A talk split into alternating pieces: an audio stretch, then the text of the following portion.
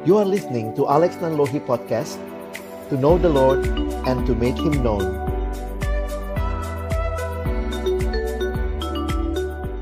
Saya sungguh bersyukur buat kesempatan ini. Hari ini kita bisa namanya ini berzumpa ya, karena lewat Zoom.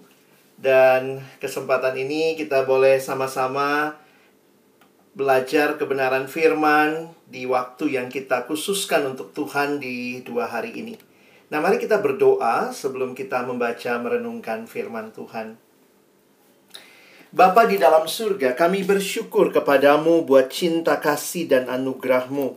Kalau kembali hari ini kami boleh menikmati pesta rohani yang Tuhan berikan kepada kami. Ini semua adalah anugerahmu yang besar bagi kami. Kami sama-sama akan membuka firman-Mu. Kami mohon ya Tuhan bukalah juga hati kami. Jadikanlah hati kami seperti tanah yang baik supaya ketika benih firman-Mu ditaburkan itu boleh sungguh-sungguh berakar, bertumbuh, dan juga berbuah nyata di dalam kehidupan kami. Berkati baik hambamu yang menyampaikan semua kami yang mendengar, Tuhan tolonglah kami semua, agar kami bukan hanya menjadi pendengar-pendengar firman yang setia, tapi mampukan dengan kuasa dan pertolongan dari rohmu yang kudus. Kami dimampukan menjadi pelaku-pelaku firman-Mu di dalam hidup kami, di dalam masa muda kami. Bersabdalah ya Tuhan, kami anak-anakmu sedia mendengarnya di dalam satu nama yang kudus, nama yang berkuasa, nama Tuhan kami Yesus Kristus. Kami menyerahkan pemberitaan firman-Mu. Amin. Ya, ada pepatah mengatakan tak kenal maka tak sayang. Sudah kenal sih belum tentu disayang ya. Saya Alex Nanlohi, saya ada di Jakarta saat ini, pelayanan di Perkantas Jakarta dan juga bersyukur sekali lagi untuk kesempatan boleh uh, ketemu ya, berzumpa dengan teman-teman dari Purwokerto dan sekitarnya. Ada kakak saya di sini Mas Dan. Senang bisa boleh melayani bersama pada pagi hari ini. Nah, tema yang diberikan kepada kita adalah YOLO, You Only Live Once. Saya coba siapkan satu PowerPoint buat kita. Dan ini adalah uh, presentasi yang saya coba bagikan nanti di akhir. Kalau waktunya cukup kita bisa tanya jawab ya. Sebentar saya uh, share dulu.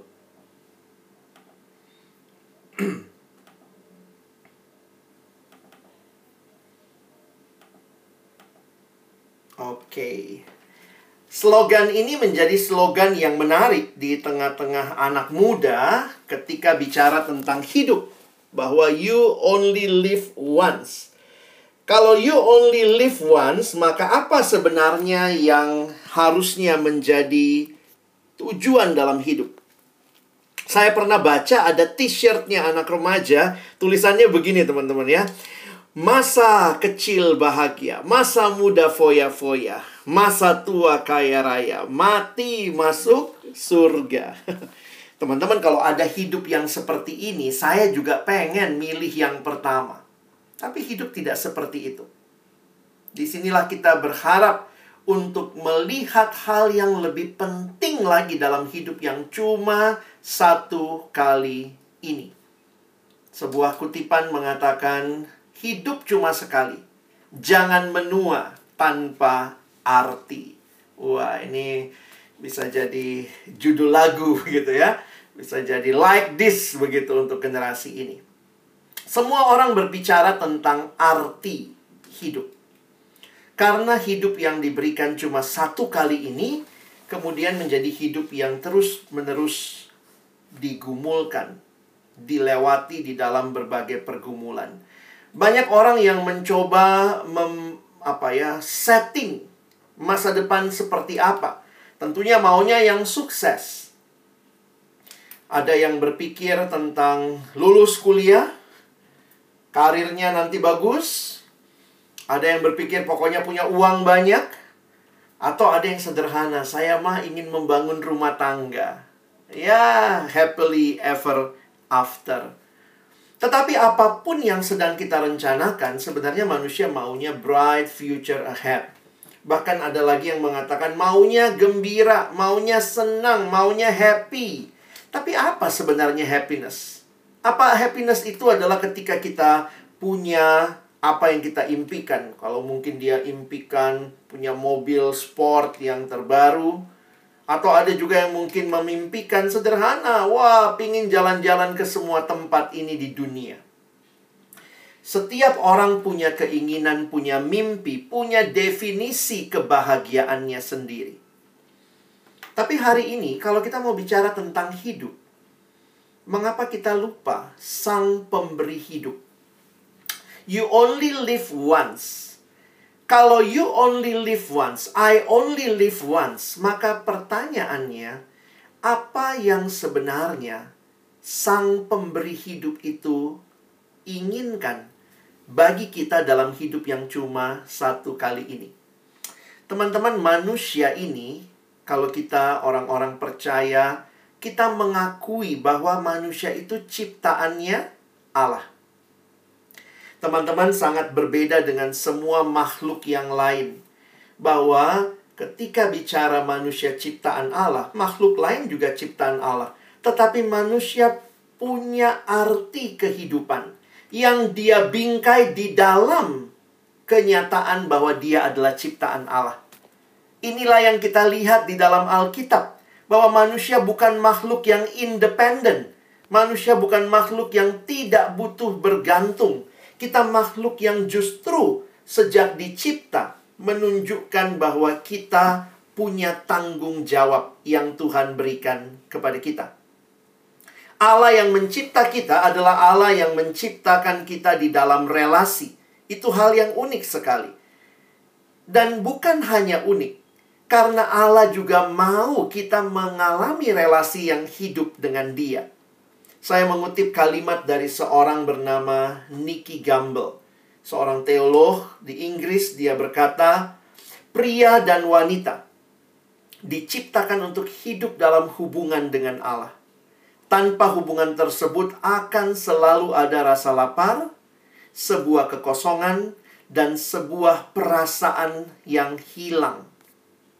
Nah, ini menarik ya. Gambarnya juga pas ini generasi yang kalau low bat itu rasanya mau kiamat dunia ya. Low bat habis kuota, habis pulsa, aduh rasanya gimana ya. Nah bayangkan bahwa Allah yang menciptakan kita, Allah yang rindu, kita mengalami relasi dengan dia. Karena itu tanpa hubungan kita dengan Allah. Selalu ada rasa lapar, sebuah kekosongan, dan sebuah perasaan yang hilang. Nicky Gamble melanjutkan kalimatnya. Tidak ada satupun hubungan manusia yang dapat memuaskan. Atau yang dapat terus bertahan.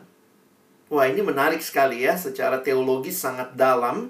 Dia mau mengatakan bahwa apa pun bentuk hubungan di dunia, itu pasti nggak bisa memuaskan secara tuntas. Lalu yang kedua, kita itu kalau cari relasi, kita maunya yang dapat terus bertahan. Sementara semua relasi yang ada dalam dunia itu ada batasnya. Ada nggak yang punya orang tua yang tidak bisa meninggal? Wah, papa mamaku dong nggak bisa meninggal. Dia dapat terus bertahan. Semua relasi selalu ada batasnya. Selalu akan ada yang hilang. Dan hal ini hanya menunjukkan kalau kita pingin relasi yang memuaskan dan terus bertahan, itu hanya mungkin kalau kita alami dengan Allah. Karena dia Allah yang dapat memuaskan dan dia Allah yang kekal, yang tetap ada sampai selama-lamanya. Jadi longing itu, keinginan yang ada di hati yang terdalam, sebenarnya hanyalah menunjuk realita bahwa engkau dan saya dicipta untuk hidup dalam relasi dengan Allah. Karena itu, teman-teman, perhatikan ya. Sekali kita memiliki hubungan dengan Allah, maka tujuan dan arti kehidupan akan menjadi semakin jelas. Manusia hanya menemukan kepuasan di dalam penciptanya. Kepuasan sejati hubungan-hubungan yang lain juga memuaskan terbatas sementara. Lapar ya makan ya, dikasihi ya Tuhan hadirkan orang tua, pasangan hidup, tapi kepuasan sejati itu sebenarnya hanya kita dapatkan di dalam pencipta kita. Coba take time ya, karena ini adalah situasi yang apa pengajaran yang perlu kita hayati. Bukan hanya kita mengerti ya, tapi benar-benar kita hidupi bahwa betul yang bisa memberikan kepuasan sejati itu hanya pencipta kita.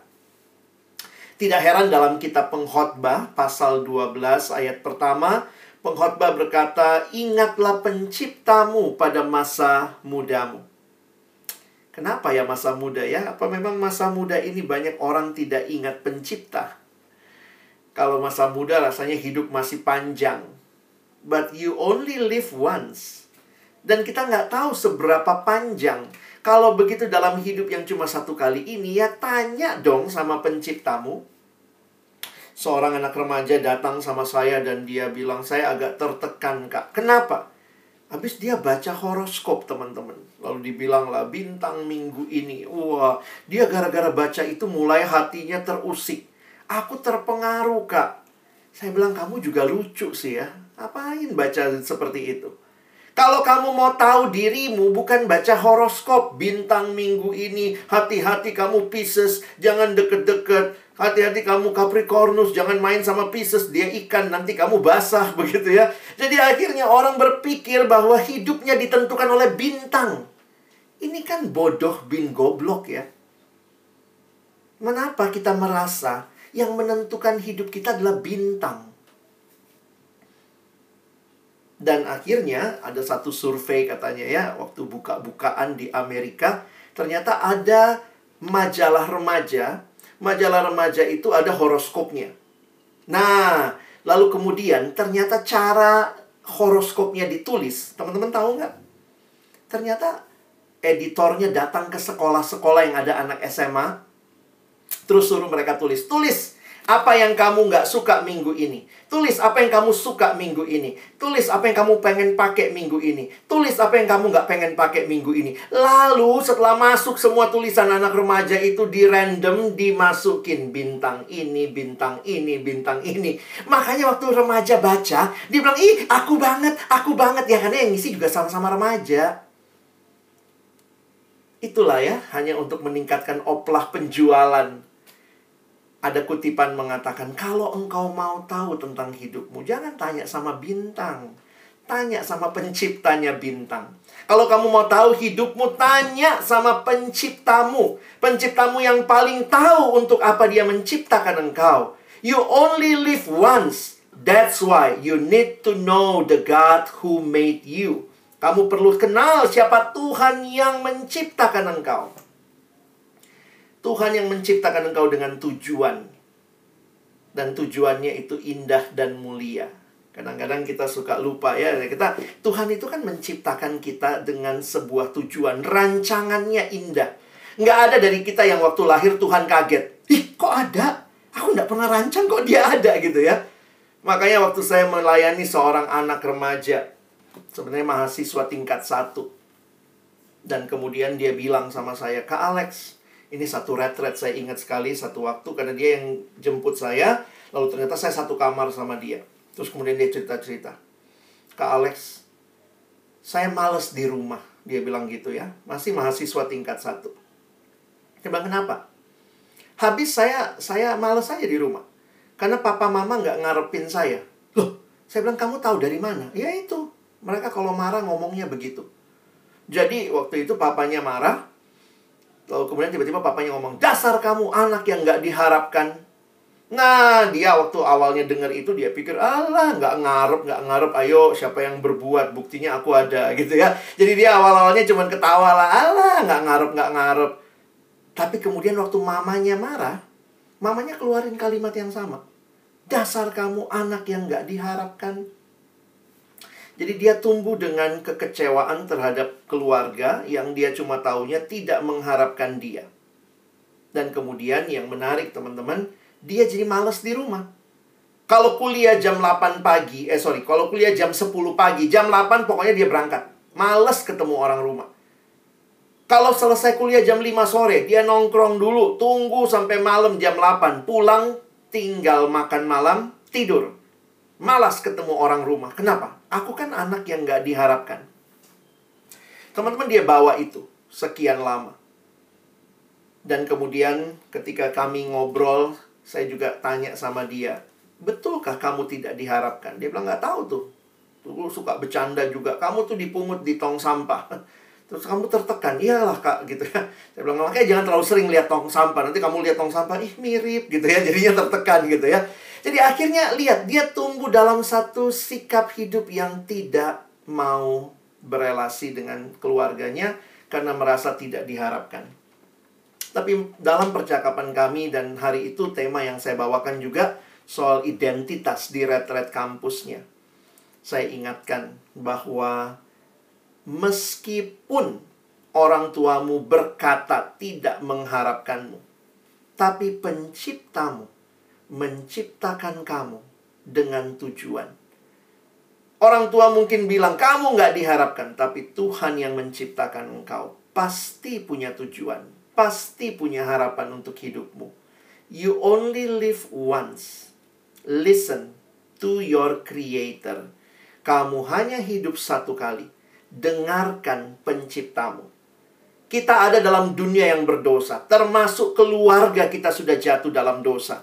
Seringkali keluarga yang kita harapkan bisa mengerti kita, justru tidak memahami kita.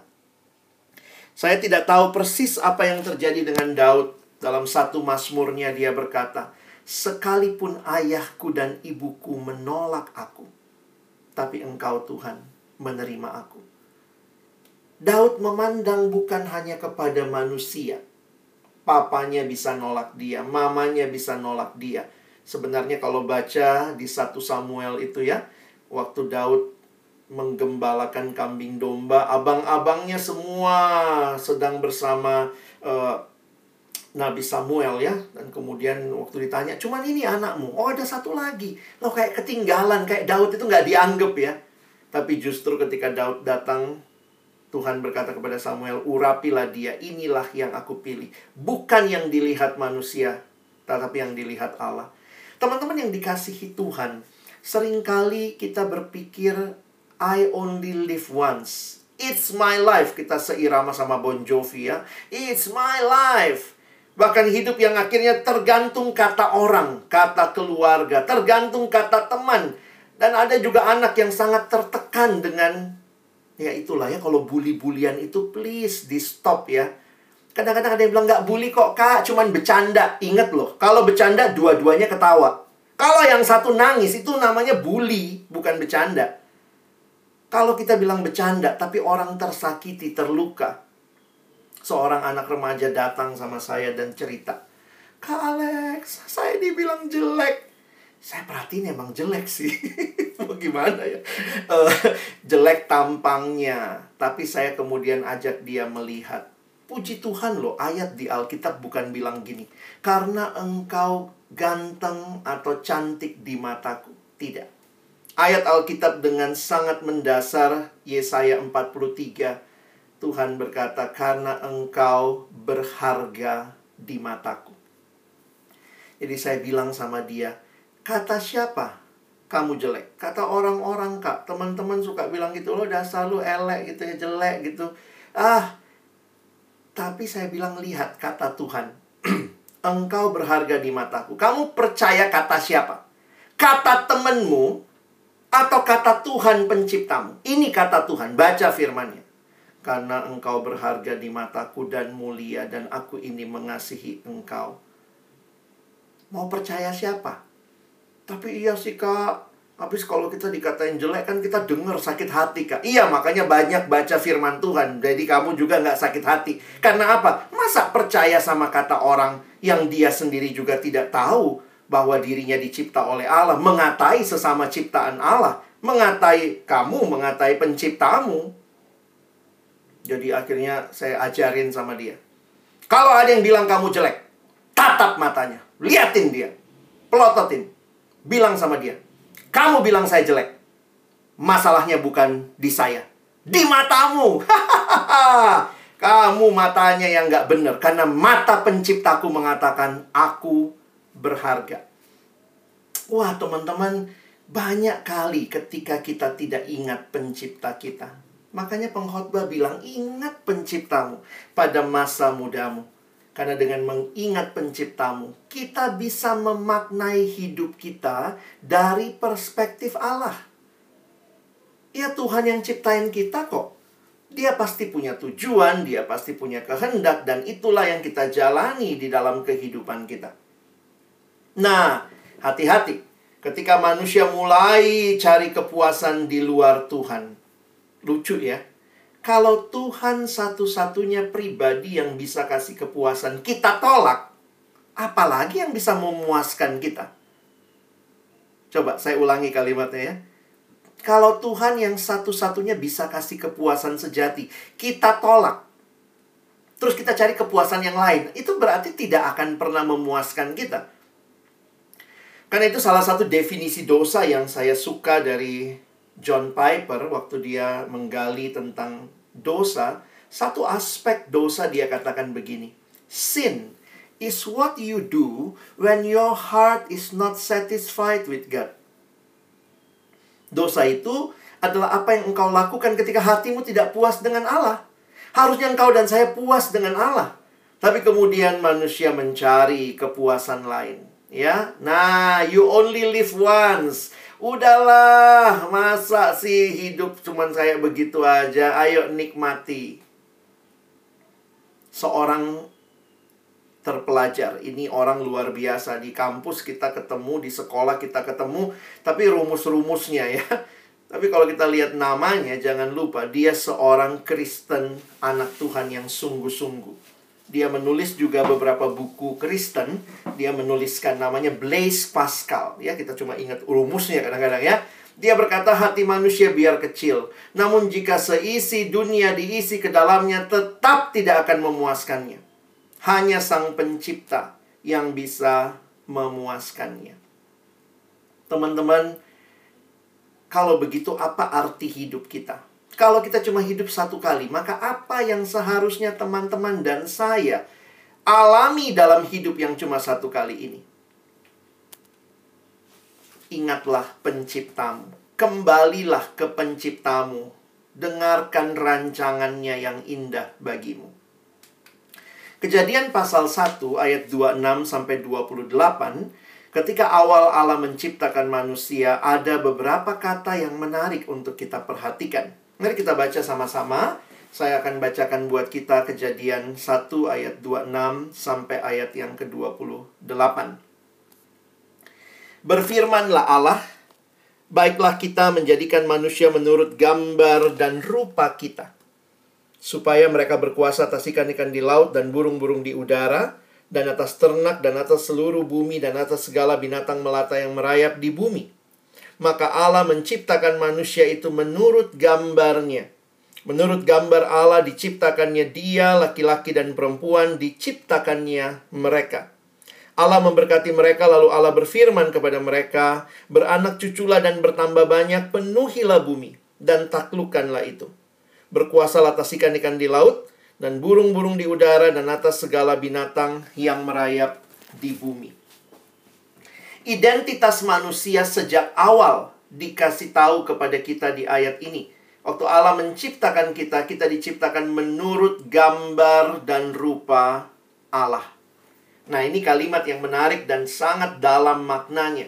Gambar dan rupa Allah itulah identitas kita. Tujuan kita harusnya selaras dengan identitas kita sebagai gambar dan rupa Allah.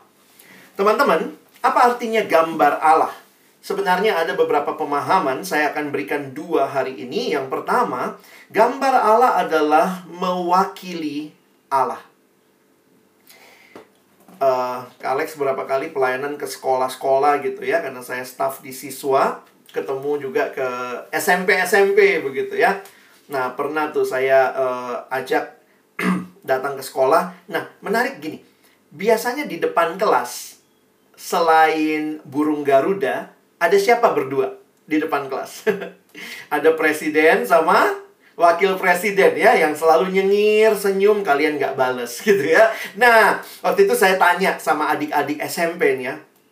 Saya bilang, adik-adik, mana presiden kita? Terus semua langsung nunjuk belakang saya, itu, itu gitu ya, karena saya depan kelas, itu, itu gitu ya. Nah, saya tanya sama mereka, kalau ini presiden kita, ada berapa presiden di sekolahmu? Karena setiap kelas punya satu. Ini bukan presiden kita, teman-teman. Ini cuma gambarnya. Tangkap ya? Itu bukan presiden kita, itu cuma gambarnya. Jadi, itu gambar, tapi itu bukan gambar sembarangan. Karena itu gambarnya siapa? Gambarnya presiden. Penghayatan itu menolong kita menghayati. Apa artinya kita gambar Allah? Kita bukan Allah, kita bukan Allah, tetapi kita dipilih untuk menggambarkan Allah. Jadi, mewakili Allah. Gambar itu mewakili aslinya. Ada juga yang gitu ditanya, "Eh, pacarmu yang mana?" Langsung buka dompet tunjukin, "Ini pacarku loh. Ini pacarku." Ih, tipis amat pacarmu ya. itu bukan pacarmu, itu cuma gambarnya, fotonya foto itu mewakili aslinya. Teman-teman, kalau kita mewakili Tuhan sebagai gambar Allah, maka ingat, itu tujuan hidup kita supaya melalui hidup kita kita merefleksikan Allah kepada dunia supaya dunia melihat. Makanya ada lagu kita bilangnya, kulihat di wajahmu kemuliaan raja. Jadi sebenarnya kalau kita saling melihat, sebenarnya di situ kita melihat bahwa inilah wakil-wakil Allah yang ada di dalam dunia ini. Harusnya kita makin mirip Allah. Kira-kira gitu ya. Kalau kamu dan saya gambar Allah, waktu orang lihat hidup kita, harusnya orang lihat siapa? Lihat Allah dong ya. Udah ada nggak yang gitu ke teman-teman? Temanmu di kampus gitu. Ih, kamu Allah banget sih. Kamu Allah banget deh kamu anaknya Allah deh. Ya, ngaku deh. Kalau belum begitu, wah berarti kita belum menunjukkan Allah ya. Sebenarnya kalau Allah adalah Bapa kita, dia adalah Raja dalam hidup kita, harusnya kan kita yang makin hari makin serupa dengan dia. Saya suka nanya gini ya, ada nggak sih orang tua? Coba bayangkan, ada nggak orang tua yang pingin banget anaknya makin hari makin mirip tetangga? Ada nggak papa mamamu gitu? Kalau kau pulang gitu ya, ini banyak yang batak-batak di sini ya, pulang ke huta sana lalu bapak mamamu bilang, "Iya anakku, Bapak bangga sekali lihat mukamu. Lihatlah hidungmu, makin mirip tante di seberang jalan. Ah, lihat itu mulutmu. Kok makin mirip om yang jual-jual ikan tiap pagi. Saya pikir orang tua yang normal nggak akan senang anaknya mirip tetangga, ya. Saya ingat waktu membesuk teman KTB melahirkan. Suami istri teman KTB ya. Cuma ya tetap yang waktu itu melahirkan istrinya ya. Jadi pas kami datang, kami besuk, wah itu anak pertama. Wih, dipamer, dipajang ya. Pas kami datang habis menyusu. Terus kemudian dia bilang, Lex, lihat anakku. Ini mamanya ngomong ya, habis menyusui. Dia bilang, Lex, lihat anakku. Kita liatin. Namanya masih bayi ya, masih tutup-tutup mata. Dia bilang, mukanya lihat mirip siapa Lex? Hidungnya kan hidungku ya. Jidatnya jidat bapaknya. Wih, tiba-tiba langsung bapaknya di samping. Mama, hidungnya yang hidung papa, jidatnya yang jidat mama. Lalu mereka berantem teman-teman di situ. Hidung jidat, hidung jidat gitu ya. Jadi waktu saya ngelihat itu namanya produk bersama ya. Namanya produk bersama ya pasti ada mirip sana, ada mirip sini ya. Dan saya uh, cerita begini jadi geli juga. Kenapa? Karena anaknya baru masuk kuliah juga tahun ini ya. Sudah sekian belas tahun. Ternyata dia udah masuk kuliah, sekarang udah tingkat satu di UI gitu.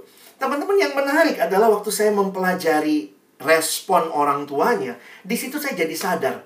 Orang tua yang normal ingin banget anaknya mirip dia. Ini anakku loh. Mirip kan? Waktu Tuhan ciptakan kita untuk mewakili dia, kita harusnya mirip siapa teman-teman? Kadang-kadang kita nyanyi ya, aku anak raja, kamu anak raja, kita semua anak siapa gitu ya. Kok nggak mirip begitu? Kalau Tuhan lihat kita, apakah Tuhan akan berkata, ini anakku, lihat nih, ini mirip banget kan? Mirip banget sama aku. Tapi kalau Tuhan lihat hidup kita, atau orang lain deh lihat hidup kita. Terus orang begitu lihat hidup kita, ah dasar kau anak setan. Eh berarti lebih mirip siapa? Kesetanannya lebih kelihatan begitu ya. Kalau kita bicara tujuan hidup, nggak usah rumit-rumit deh. Kita hidup untuk menggambarkan Allah, mewakili Allah, mirip seperti Allah. Bukan hidup mempermalukan Tuhan. Kita harus hidup mempermuliakan Dia, karena untuk itulah kita dicipta. Kita gambar dan rupa Tuhan. Nah kalau orang nanya apa sih visi dalam hidupmu? Kadang-kadang ada yang macam-macam. Saya visinya ini itu. Ah kalau saya sih sederhana saya mau jadi gambar dan rupa Allah sebagaimana rancangan awal Dia menciptakan saya. Jadi, kalaupun saya menjadi dokter, menjadi sarjana teknik, menjadi sarjana hukum, tapi saya tidak mencerminkan Allah, ngapain hidup saya?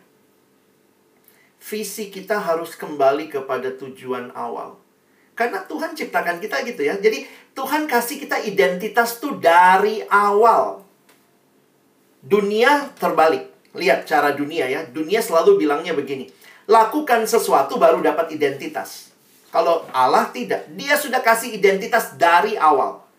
Kadang-kadang kan orang tua kita suka ngomong begitu ya. Kalau anaknya udah lulus, iya nih, puji Tuhan anakku sudah jadi orang. Hah? Emang sebelumnya monyet? gitu ya baru sekarang jadi orang. Sebenarnya kalau lihat Alkitab, dari awalnya kamu memang orang, dari awalnya kamu dan saya gambar dan rupa Allah. Dan Tuhan meminta kita menghidupi status itu. Jadi ini bagian pertama yang saya ingin ingatkan, menjadi gambar Allah berarti kita hidup mewakili Allah. Tetapi di sisi lain menjadi gambar Allah juga menunjukkan tanggung jawab kita. Ya. Bukan hanya mewakili Allah, kepada dunia, tetapi juga mewakili dunia kepada Allah. Wah, ini menarik ya. Saya baru makin pelajari konsep ini juga karena saya selama ini mengertinya gambar Allah cuma mewakili Allah kepada dunia. Tetapi ternyata gambar Allah juga menyatakan saya mewakili dunia kepada Allah. Maksudnya apa? Di dalam Alkitab ada istilah yang menarik kamu adalah bangsa yang terpilih, imamat yang rajani. Seperti fungsi imam. Imam itu bukan hanya mewakili Allah bagi manusia, tetapi mewakili manusia kepada Allah. Dia seperti perantara. Jadi sebenarnya di dalam mengerti gambar dan rupa Allah ini dua sisi. Allah kepada manusia, saya perantaranya, tetapi manusia kepada Allah juga saya perantaranya. Itulah diciptakan menurut gambar dan rupa Allah menjadi orang-orang yang akan. Nah, perhatikan ayat 28. Beranak cucu, bertambah banyak, penuhi bumi, taklukkanlah itu. Demi apa? Membawa seluruh ciptaan ini memuliakan Tuhan. Jadi teman-teman, makanya kalau kalian perhatikan, kenapa di dalam gereja kita ada doa syafaat? Doa syafaat itu adalah doa mewakili dunia ini. Kita orang percaya diminta membawanya kepada Tuhan. Makanya doa syafaat itu isinya biasanya tentang dunia, pergumulan di luar persekutuan kita. Kadang-kadang ada juga ya doa syafaat tuh banyak kan doain PMK-nya sendiri semua PMK-nya gitu ya. Kayak doa rutin. Doa syafaat adalah doa yang membawa seluruh pergumulan dari dunia ini kita bawa kepada Allah. Nah, kalau kita mengerti gambar dan rupa Allah seperti ini, maka kita bisa melihat tujuan hidup kita bukan hanya hidup yang menjadi berkat bagi orang lain, tetapi hidup yang juga dibawa membaharui dunia ini, membawanya kepada Allah. Jadi teman-teman, kamu dan saya tidak hanya, nah saya kasih contoh yang sederhana ya. Apa artinya sarjana hukum yang adalah gambar dan rupa Allah? Bukan hanya kamu mewakili Allah di dunia hukum. Wah, orang lihat ini nih hakim yang bagus, hakim yang baik. Wah, dia setia, dia tetap taat. Tapi harusnya lebih lagi. Kehadiranmu membawa perubahan dalam dunia hukum itu. Karena dunia hukum ini harus juga mengalami penebusan Allah dan kamu hadir membawa perubahan, membawa dunia hukum ini memuliakan Allah. Banyak alumni cuman sampai yang penting saya hidup baik waktu jadi alumni. Saya alumni, rajin KTB, rajin saat teduh, sudahlah. Di kantor mau ada korupsi, mau ada apa, itu urusan nantilah. Pokoknya bukan saya. Pokoknya yang penting saya dengan Tuhan, saya dengan Tuhan. Saya pikir kita jadi lupa bahwa kita diminta untuk membawa alam ini. Tebuslah alam ini dan bawa kembali kepada Tuhan. Kita bisa ngerti dua konsep ini ya. Ayo, visi hidupmu jangan cuma aku dan aku dan aku. Sedih juga ya You only live once. Yang penting aku sede, aku pokoknya saat teduhnya rajin, doanya rajin, penyembahannya jalan. Dunia ini mau rusak, bodoh amat. Teman-teman dibawa untuk jadi garam dan terang. Ada tanggung jawab yang Tuhan berikan. Nah, jadi maknai sekarang ya, tujuan hidupmu adalah saya hidup bagi Allah, tapi saya juga hadir dalam dunia ini membawa dunia ini melakukan perubahan, berjuang demi membawa dunia ini memuliakan Allah. Kalau lihat orang-orang seperti siapa? Kita tahunya mungkin Pak Ahok gitu ya. Dalam kelemahan dia juga yang tidak sempurna, tapi Tuhan pakai dia membawa perubahan. Nggak betah lihat orang korupsi. Wah, bikin sistem. Semua harus lewat lewat uh, apa? Komputer pelaporannya kan itu usaha-usaha yang dia lakukan supaya membawa sistem dunia ini ditebus memuliakan Allah. Bisa aja Pak Ahok bilang yang penting dia baik ya, dia rajin saat teduh, katanya dia tiap hari baca Alkitab berapa jam. Puji Tuhan, dia dan Allah sangat dekat. Tapi kalau cuma seperti itu, apa cuma itu rencana Allah? Karena itu teman-teman alumni teman-teman yang siap nanti jadi alumni, mahasiswa baru, baru masuk saya kak, udah ngomongnya alumni aja. Kita sedang diminta hadir menjadi gambar Allah yang mewakili Allah kepada dunia, tetapi juga membawa dunia yang dibaharui memuliakan Allah. Kalau ini cerita hidup kita, wow. Maka kalian mau jadi sarjana hukum kah? Kalian mau jadi uh, teknik, kalian dokter, kalian mungkin keperawatan, kalian ada dalam bidang sosial politik, selalu ingat, saya tetap jaga kekudusan, tapi saya membawa perubahan. Walaupun sulit, kadang-kadang sulit, tapi saya dipanggil Tuhan hadir di situ. Jadi, ini jadi bagian kita, ya. Makanya kalau baca ayat 28, saya mikir, Kenapa mesti menguasai bumi, menaklukkan, berkuasa atas ikan di laut? Dan waktu teman-teman sekarang kuliah, kalian kuliah supaya tahu ilmu-ilmu yang baik, supaya kamu bisa menebus bidang-bidang itu. Penuhi bumi, taklukkan itu, bawa kembali memuliakan Tuhan. Itu kehidupan yang Tuhan mau engkau dan saya alami. Jadi sadar atau tidak, orang yang hidup satu kali, teman-teman setiap orang tuh pasti punya cerita. Benar nggak? Ya. Nah, cerita itu semua orang miliki. Nah, karena saya kutip kalimatnya Timothy Keller ya. Dia pakai pemahaman ini untuk mengerti arti hidup. Dia bilang begini.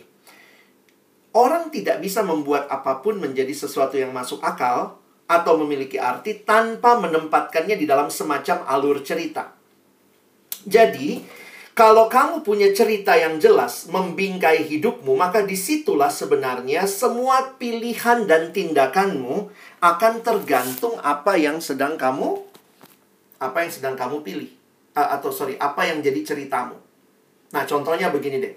Kalau ternyata ceritamu cuma uang, wah, uang itu ceritamu. Maka kalau ditanya, ngapain kuliah? Supaya bisa cepat lulus, cari kerja, dapat uang.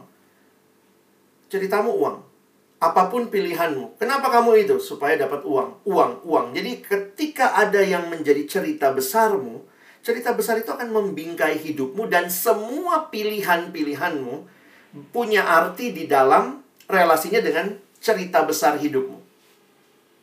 Jadi, cerita besar itu seperti menjadi kacamata atau lensa yang melaluinya kita memandang dunia. Nah, dalam kehidupan ada orang-orang yang punya berbagai cara pandang ya. Dan ini memang menyedihkan. Karena cara pandang-cara pandang ini ada yang menolak Tuhan. Jadi bayangkanlah, kalau cerita hidup orang itu nggak ada Tuhan, dia buang Tuhan dari hidupnya, ya udah. Dia hanya hidup bagi dirinya sendiri. Nah, ada seorang yang mencoba memetakan ya dia bilang ini namanya world view, cara pandang terhadap dunia. Maka dia bilang kalau kalian lihat ini bisa ikuti ya kayak flow chart. Yang merah-merah itu itu namanya world view-nya. Ya, misalnya contoh mulai kalau kamu percaya nggak Allah eksis? God eksis itu paling kiri atas. Kalau God eksis, kamu bilang yes, maka lanjut lagi. Apakah more than one God exist? Kalau kamu bilang yes, lebih dari satu dong Tuhannya, maka sudah merahnya kamu politeis. Nah, ini mungkin kira-kira cara pandang. Jadi bayangkan kalau kamu punya cara pandang politeis, maka kamu memandang segala sesuatu dari perspektif itu, sadar atau tidak. Kalau kamu bilang God exists, don't know, nggak peduli. Kamu agnostik, gitu kira-kira ya. Kalau kamu bilang God exists, yes. Tetapi more than what God exists, no. Maka tanya lagi, apakah Tuhan mengontrol dunia ini? Kalau kamu bilang yes, nah itu terus-terusan lah itu ya. Nanti ada ada ininya. Kalian bisa lihat. Nah ini dalam dunia ini orang seperti ini ya. Semua orang yang hanya hidup satu kali punya berbagai cara pandang.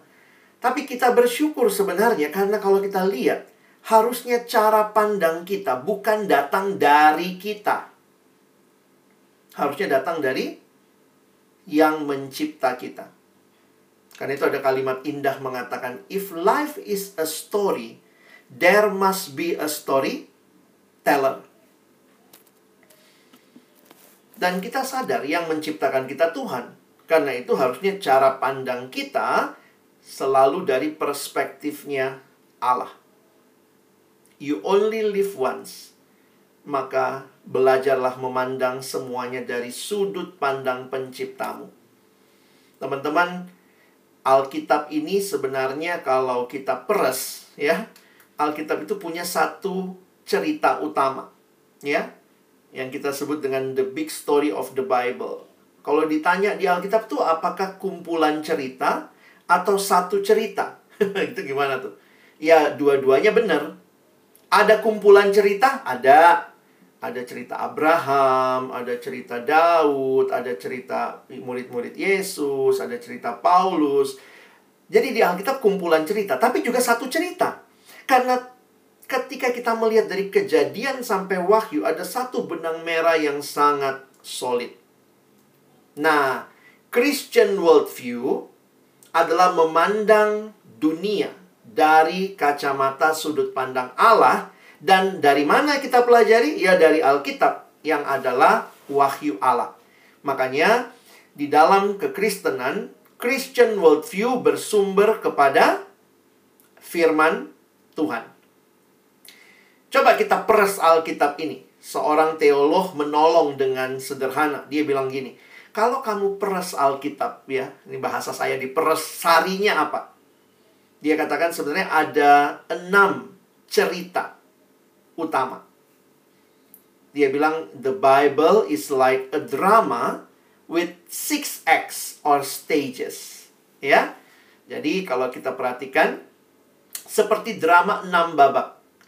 Nah, dia bilang dengan menggambarkan simbol ini kalian bisa mengingat isi Alkitab.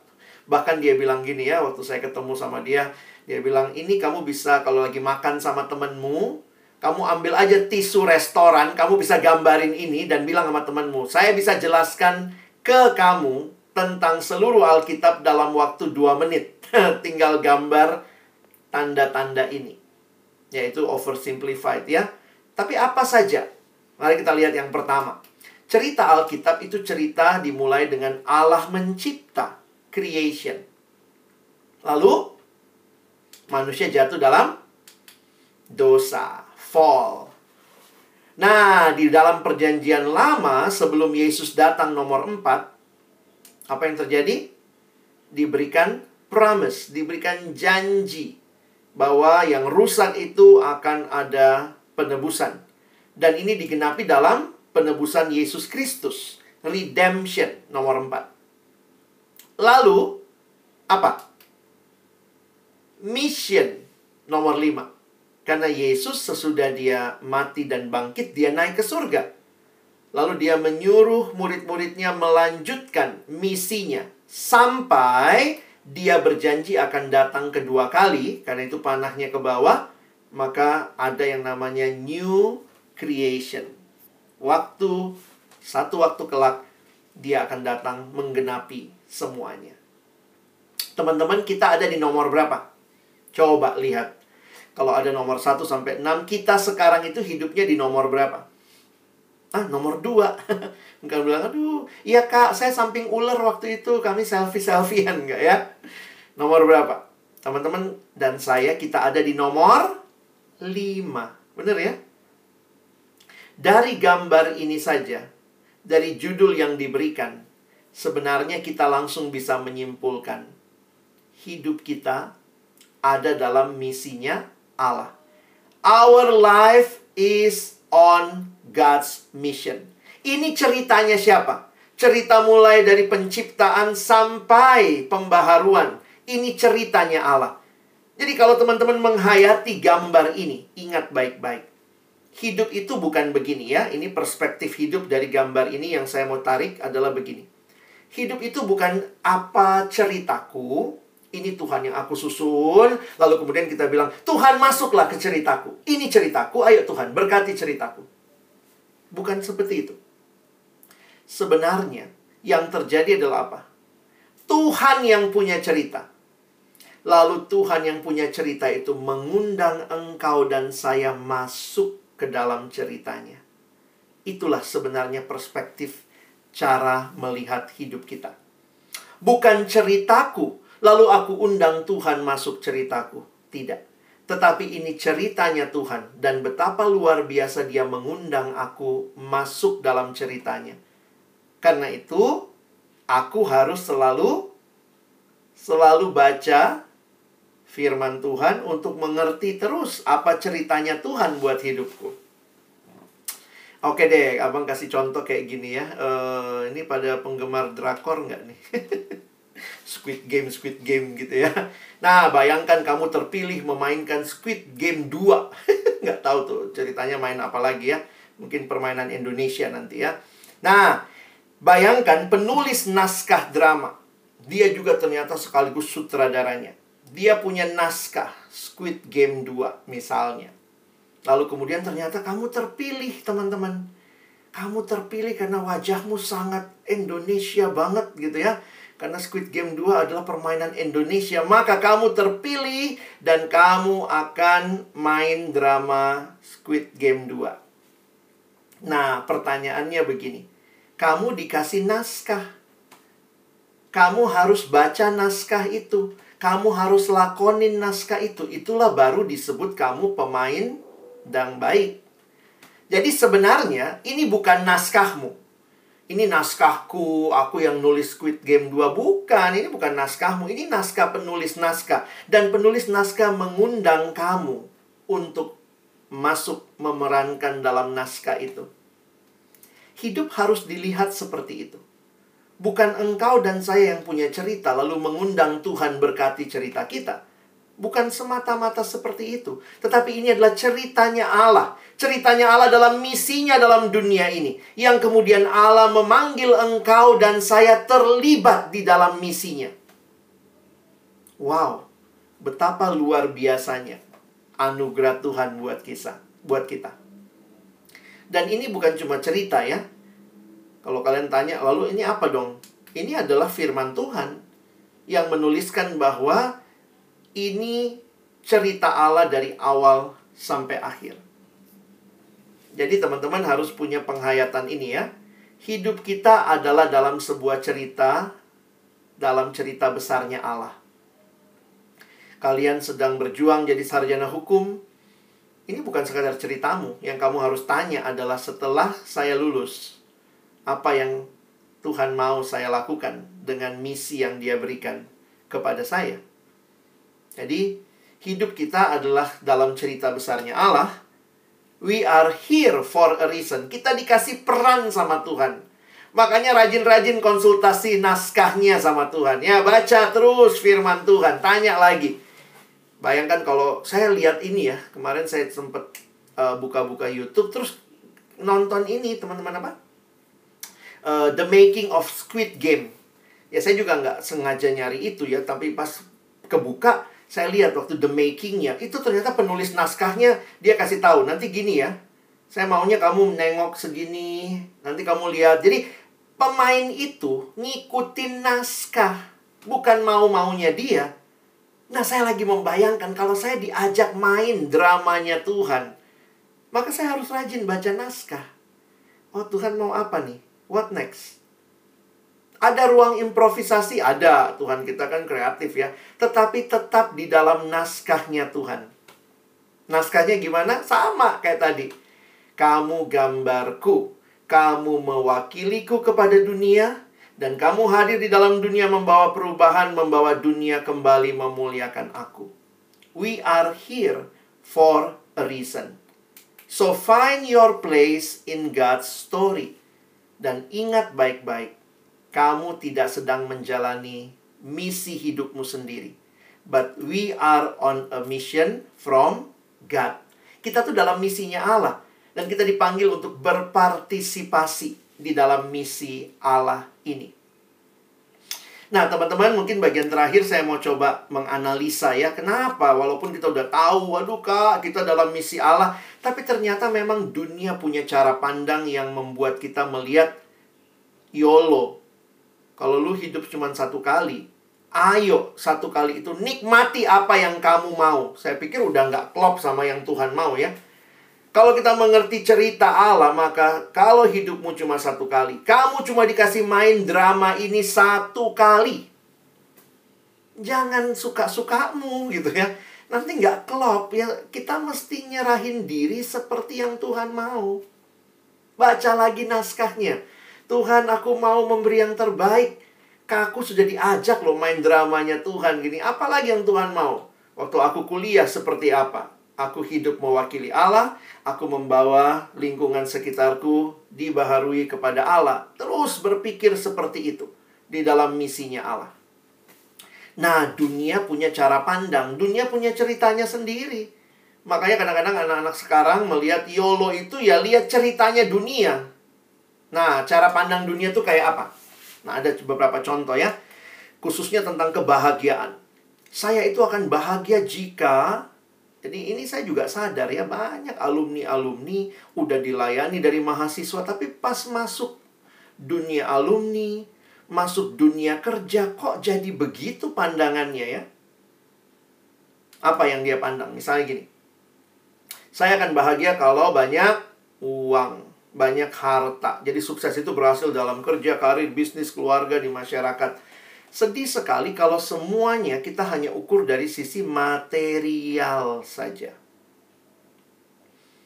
Saya pikir tidak ada orang tua yang ngelesin anaknya matre ya. Ada nggak anak kalian dari kecil bilang, abang aku dari kecil dilesin matre sama papa mama. Tapi secara tidak sadar, sering kali orang tua dalam kelemahan mereka menurunkan cara pandang yang sekadar materialisme. Contohnya apa? ini biasanya terjadi kalau arisan ya, oh, yang batak-batak ngerti lah kalau arisan ya. kalau arisan kemudian nanti uh, bapaknya atau mamanya bisa bisa tanpa sadar itu ya, pas di arisan lihat itu anaknya ommu, lihat itu anaknya tantemu, itu namanya sukses. Lihat mobilnya. Wih. Jadi tanpa sadar anak tuh merekam. Oh, bapak mamaku akan senang kalau beli mobil kayak anaknya om itu. Kenapa? Nilai sukses dilihat dari materi. Itu tanpa sadar loh. Jadi memang tidak ada sih orang tua yang mau anaknya matre, tapi cara membesarkan mungkin nilai-nilai yang diterapkan ini yang teman-teman harus terbuka. Kalau you only live once, is this your value? Inikah nilaimu atau itu cuma nilai yang kamu dapat dari orang tua? Sampai ada juga waktu ditanya, kenapa kamu kuliah? Pokoknya saya ingin membahagiakan papa mama. Gimana cara bahagiakan? Kasih uang yang banyak. Bangun rumah di kampung. Uh, kalau itu saja caramu mengerti bahagia, sedih sekali hidupmu. Saya tidak mengatakan materi tidak penting. Silahkan materi dipakai, tapi itu bukan tujuan. Materi harusnya jadi alat, bukan tujuan. Jadi saya ketemu beberapa mahasiswa yang datang dari kampung dengan mimpi-mimpi yang sebenarnya waktu saya telaah mimpinya saya pikir, "Dek, kalau naskahnya Tuhan cuma cari uang, sedih banget Tuhan kita Tuhan matre ya. Dia kasih kau naskah cari uang, cari uang, cari uang. Tuhan mintanya cari aku, cari aku, cari aku. Uang itu Tuhan tambahkan gitu ya. Kadang-kadang gitu juga. Lihat itu anaknya tantemu. Begitu namanya berhasil. Lihat dia baru pulang S2 dari luar negeri. Nah itu tanpa sadar beberapa juga miliki itu ya. Mau S2 ke luar negeri. Tapi itu jadi tujuan. Kenapa? Ada juga yang bilang gini sama saya. Saya pernah ketemu ya. Kami ini bang selalu diremehkan. Keluarga kami selalu diremehkan dari dulu. Akulah yang pertama kali kuliah di negeri bang. Wih kayaknya Aku mau juga S2 supaya nanti kubungkam semua mulut tetangga-tetangga di kampung kami yang memandang rendah keluarga kami. Sedih sekali hidupmu hanya untuk membuktikan kepada tetanggamu. Eh, begitu kau mau buktikan tetanggamu meninggal duluan. Sedih amat. Jangan hanya hidup untuk mem, apa ya? sekadar membalas dendam, membalas apa yang orang berikan. Itu kadang-kadang saya ketemu tuh banyak alumni-alumni kita uh, mahasiswa yang dibina juga cuma sebegitu. Mimpinya tuh cuma sebatas itu. Jadi dia pulang dari luar negeri cuma untuk apa? Pamer sama keluarga di samping rumah yang dulu kami dari dulu diremehkan, Bang. Saya pikir sedih sekali kalau hidup cuma sebatas itu. Ya, jadi coba maknai hidup lebih daripada sekedar materi, teman-teman. Ya. Berikutnya. Saya akan puas bahagia kalau belanja sepuasnya. Ini konsumeris. Saya dulu nggak percaya ada teman saya bisa seperti ini. Sampai satu alumni cerita. Utangnya minta ampun, teman-teman. Saya bingung gitu ya. Waktu saya, ya dia telepon saya, Bang Alex tolong gitu ya. Tolong apa? Tolong doain lah. Dia tahu saya nggak punya duit kali ya. Tolong doain gitu. Oke lah, saya doain. Tapi kemudian saya mulai tanya gitu ya. Ini pinjol. Dia mainnya di pinjol juga. Dipinjol, pinjam sama saudara Terus akhirnya waktu itu saya bilang, cobalah kau tulis dulu. Berapa semua utangmu? Ya saya mikirnya mungkin kalau ini ya kita bisa coba urunan dari teman-teman yang dekat, coba bantu gitu ya. Karena kan dia kena bunga terus gitu teman-teman. Eh, pas dia hitung ya saya kaget juga. Iya bang sekitar 540 juta. Aduh, ngapain aja uang segitu ya? Kalau kemudian dia cerita lah bagaimana dia itu nggak tahan lihat barang mewah. Itu bisa begitu teman-teman, nggak tahan lihat barang mewah. Jadi akhirnya terus belanja. Ya, ini kids zaman now katanya ya, belanja sepuasnya. Apalagi kan sekarang e-commerce itu gampang banget ya. Dia hanya sejauh klik, mau beli apa aja cuma sejauh klik ya. Lalu kemudian uh, impian dengan kartu kredit, beli sekarang bayar nanti, itu juga wah hati-hati seolah-olah kalau orang punya ini. Terus jadinya jadi nggak nggak nggak bijaksana teman-teman. Nggak bisa bedain ya. Kalau ditanya kenapa kau beli itu? Coba anak sekarang yang cewek-cewek tuh kalau ditanya kenapa beli itu? Lucu bang lucu. Hah? Beli barang karena lucu bukan karena butuh. Jadi habis beli ketawa-ketawa lihat itu hihihi hihi beli barang kok karena lucu. Ya? Dan ini maksud saya begini loh, saya tidak, ya mungkin ada hal-hal yang kita koleksi lah, pernah pernik, lucu-lucuan. Tapi kalau akhirnya hidup kita hanya kejar yang lucu, padahal belum tentu kita butuh, bisa jadi kau punya semua yang lucu, tapi kau nggak punya yang kau butuh. Jadi sedih sebenarnya hidupnya. Nah ini kan cara pandang ini masuk pelan-pelan. Wah, saya waktu mulai ngerti gini juga, waduh saya mesti batasin ya. ya beberapa pelangi aduh main itu ya jadi uh, saya akhirnya kayak uninstall lah ya kayak kartu kredit dulu waktu di luar negeri tinggal memang sangat butuh kartu kredit gitu ya karena ke mana-mana mau pakai kartu kredit tapi sekarang saya pikir ya saya di Indonesia ada kartu debit gitu ya daripada punya kartu kredit mendingan kartu debit berapa yang dipakai itu yang habis gitu ya jadi ya saya juga mesti membatasi jadi cara pandang kita itu membuat kita bisa memilih makna hidup. Ya. Jadi hari ini saya tidak hanya mau main teorinya, tapi kalau kamu memilih untuk menghidupi cara hidup yang dari Tuhan, kalian harus memilih juga pilihan-pilihan hidupmu. Ada beberapa hal memang harus pakai kartu kredit. Akhirnya kemarin waktu itu saya uh, ya mungkin saya pinjam sama adik KTP saya ya saya bilang, saya harus beli ini pakai kartu kredit ya. Kamu yang bayar dulu, saya langsung transfer. Berapa harganya, saya langsung transfer. Karena saya juga nggak mau hidup dalam ngutang ya. Kayaknya seneng punya barangnya, tapi masih ngutang. Bagi saya nggak demikian. Itu pilihan yang saya buat. Ada lagi yang mengatakan, bahagia itu kalau apa? Bahagia itu kalau bisa makan, minum sepuasnya, bisa main laki-laki perempuan sepuasnya, bersenang-senang, foya-foya, jalan-jalan, hedonis. Tidak berarti kita nggak boleh jalan-jalan, nggak boleh makan, tapi kalau akhirnya kepuasannya hanyalah di hal-hal ini, bahkan hal-hal seperti main perempuan, main laki-laki, dan sekarang itu saya lihat betapa gampangnya dengan aplikasi-aplikasi apps-apps yang maaf dating apps yang merajalela yang kadang-kadang ini mau cari kenalan atau mau cari one night stand. Mau cari cuman cinta satu malam. Mau cari sekedar hubungan yang seksual padahal belum tentu uh, belum ya pasti kalau tidak menikah itu bukan hal yang Tuhan kehendaki. Hubungan seks Tuhan ciptakan dalam relasi pernikahan. Tapi ada yang melihat ya sekarang kan gampang ya bikin dua akun, bikin nama samaran lah aplikasinya. Jadi kadang-kadang begitu gampangnya dunia ini mengatakan nikmati kepuasan tanpa ketahuan. Nah, gitu kali ya. Gimana? Bisa puas tapi tanpa ketahuan. Jadi jangan-jangan di balik hidup kita ternyata ada hal-hal yang kita sedang nikmati dalam ketidaktaatan dengan Allah. Hati-hati ya. Orang pinter itu dosanya pinter juga biasanya. Ada anak remaja yang cerita iya bang saya pornografi. Saya bilang no gimana kok bisa? Dan dia cerita iya sih uh, ada mama papa di rumah ada. Komputermu di mana? Laptopmu? Ya di ruang keluarga. Ternyata karena masih anak kecil ya masih remaja SMP gitu jadi laptopnya juga ditaruh di ruang keluarga. Tapi tetap aja bisa akses porno. Gimana? Ya ya gitulah kak kalau papa mama lewat saya minimize ya. Jadi memang orang kalau pinter dosanya juga pinter. Nggak ketahuan nggak kelihatan. Dan akhirnya ya itu yang penting dia puas soal itu baik atau tidak sudah waktunya atau tidak. Yang penting saya puas. Saya cuma senang nonton pornografi masturbasi selesai. Yang penting saya puas.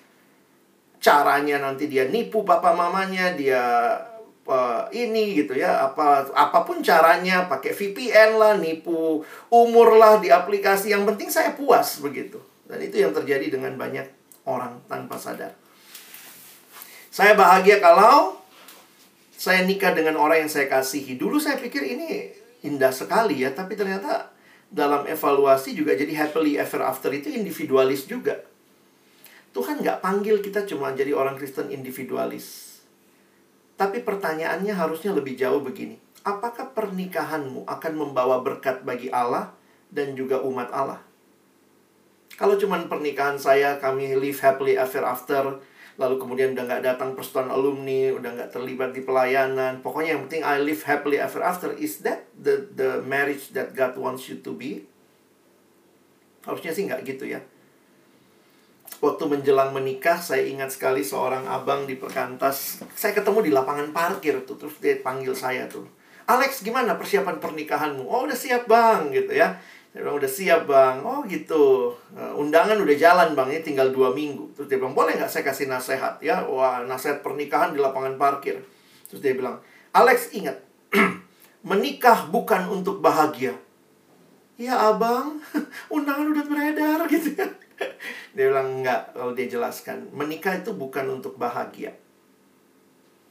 Menikah yang bikin kita bahagia itu Yesus kalau kamu di dalam Yesus, pasanganmu di dalam Yesus, kalian menikah itulah bahagia. Tapi kalau kamu tidak di dalam Yesus, makanya dia bilang bukan menikahnya yang bikin bahagia, Yesusnya yang bikin bahagia. Makanya yang belum menikah bisa bahagia nggak? Oh bisa, jomblo-jomblo bisa bahagia, bisa coba ya. Kalau dia punya Yesus. Sementara yang menikah kalau nggak ada Yesus nggak bahagia juga gitu ya. Jadi jangan dibolak-balik, bukan pernikahannya yang bikin bahagia, tapi kehadiran Yesusnya yang membuat engkau bahagia. Jadi pastikan. Makanya saya bilang gitu ya. Karena Yesus yang bikin bahagia, maka dari siswa kita perkenalkan kita PI, Yesus Tuhan dan Juru Selamat. Kalau menikah bikin bahagia, maka dari kamu siswa, dari TK, kalau perlu saya suruh kau menikah, menikah kau dia, menikah kau. Kenapa? Itu bikin bahagia. Ayo, TK-TK menikah semua. Kita nikahkan semua anak TK, biar bahagia. Tapi yang bikin bahagia itu Yesus. Karena itu dari anak-anak, kita layani mereka untuk terima Yesus. Kenal siapa Yesus. Kebahagiaan terjadi ketika di dalam Kristus kamu membangun relasi rumah tangga yang indah. Nah, ini termasuk ya, yang terakhir utopia, mendapatkan apa yang saya idamkan. Bukan itu. yang apa yang Tuhan mau, bukan apa yang kamu mau. Kalau betul naskahnya naskahnya Tuhan, hidupmu ikutin naskahnya Tuhan. Kalau kamu mau apa yang kamu mau, padahal bukan itu yang Tuhan mau, apakah itu kebahagiaan? No. Beberapa anak remaja sekarang mengatakan apa yang dia mau ya, apalagi slogan sekarang follow your heart, ikuti hatimu. Beberapa ada yang coming out LGBT, saya memang begini, ya ikuti hatimu. Hatiku bilang aku begini, ya udah ikutin hatimu. Alkitab nggak ada tuh ikut kalimat ikuti hati. Coba cari. Alkitab bahkan berkata, betapa liciknya hati, lebih licik daripada segala sesuatu. Karena itu, jangan ikuti hati, ikuti firman Tuhan. Dunia ini mengatakan selalu ikuti hatimu. Apa yang kamu mau udahlah, lakukan aja, ikuti apa yang kamu mau kita jadi lupa bahwa itu bukan nilai Kristen, ya. Tapi ikuti apa yang Tuhan mau. Mungkin kalau ikuti hatimu, kamu pengen banget nonjok dosen, pengen pukul si dosen, pengen nonjok dia. Tapi bukan hatimu yang kau ikuti, ikuti firman Tuhan ya. Jangan asal asas-asas nama hatimu, perasaanmu. Ini generasi yang sangat mengutamakan perasaan. Apa yang saya rasa, apa yang saya mau, ya udah itu yang benar. No. Kompas hidup bukan perasaan, tapi firman Tuhan. Karena kalau kau ikut perasaan, ingat, hati, perasaan sudah jatuh dalam dosa. Maka kita butuh pedoman. Itulah firman Tuhan. Oke, jadi cara pandang Kristiani itu bahagia itu apa dong? Kalau tadi semua itu nggak bahagia ya. Ya bahagia itu kalau hidup sesuai kehendak Allah. Bahagia itu kalau saya bisa bikin orang lain bahagia, bukan cuma kamu yang bahagia. Menikah supaya bahagia, terus pasanganmu kau bahagiakan nggak gitu ya? Jadi melihatnya jangan egois gitu. Jangan individualis dalam pekerjaan juga begitu. Dalam keluarga, dalam pelayanan. Nah, jadi akhirnya kalau kita perhatikan tujuan di dalam Alkitab, prinsip kebahagiaan itu kebahagiaan itu bukan tujuan tapi akibat. Tujuan hidup harusnya Tuhan dan kehendaknya dan waktu kemudian kita ikuti itu, kita mendapatkan sukacita, mendapatkan kebahagiaan itu akibatnya. Hidup yang diberkati karena ketaatan, lebih berbahagia memberi daripada menerima, dan hanya Tuhan yang dapat memuaskan kita. Ini mengulang poin yang pertama tadi. Saya jadi mikir gitu ya, ada nggak ya di tujuan hidupmu memikirkan tentang orang lain ya? Karena kan lebih berbahagia memberi daripada menerima. Kadang-kadang kalau disuruh tuju, tulis tujuan hidupmu, you only live once. Apa tujuan hidupmu? Pokoknya aku begini, keluarga aku begini, nanti aku dapat ini, aku dapat ini, aku dapat ini. Jadi memang mimpinya orang Kristen pun kadang-kadang kecil. Mimpinya cuman saya merefleksikan Allah kepada dunia. Tapi nggak ada mimpinya buat dunia yang hancur ini. Saya akan bawa kepada Allah. Seorang siswa dalam satu camp pengutusan. Jadi ada camp pengutusan kalau siswa mau kuliah ya. Atau setelah dia ikut camp ini kemudian saya tanya kamu dapat apa? Saya baru ngerti kak. Saya harus merangkai cita-cita saya bukan hanya dengan diri saya. Saya pingin jadi dokter tapi bukan hanya itu. Di tengah pandemi dia bilang dia lihat banyak dokter yang berjuang bahkan ada yang meninggal. Dia bilang akhirnya saya melihat dunia butuh dokter seperti ini saya akan kuliah kedokteran untuk menjawab kebutuhan dunia ini yang di dalamnya Tuhan hadirkan saya. Wow, saya akhirnya bisa lihat ini siswa aja bisa ngerti gini ya. Dia bukan cuma saya jadi dokter supaya saya terjamin hidupnya, saya hidup baik, hidup benar, saya nanti jadi dokter yang melayani. Tapi dia bisa merangkai cita-citanya dengan kebutuhan dunia ini. Dunia butuh dokter-dokter yang benar-benar mau berkorban. Saya mau jadi salah satunya untuk kemuliaan Allah. You only live once.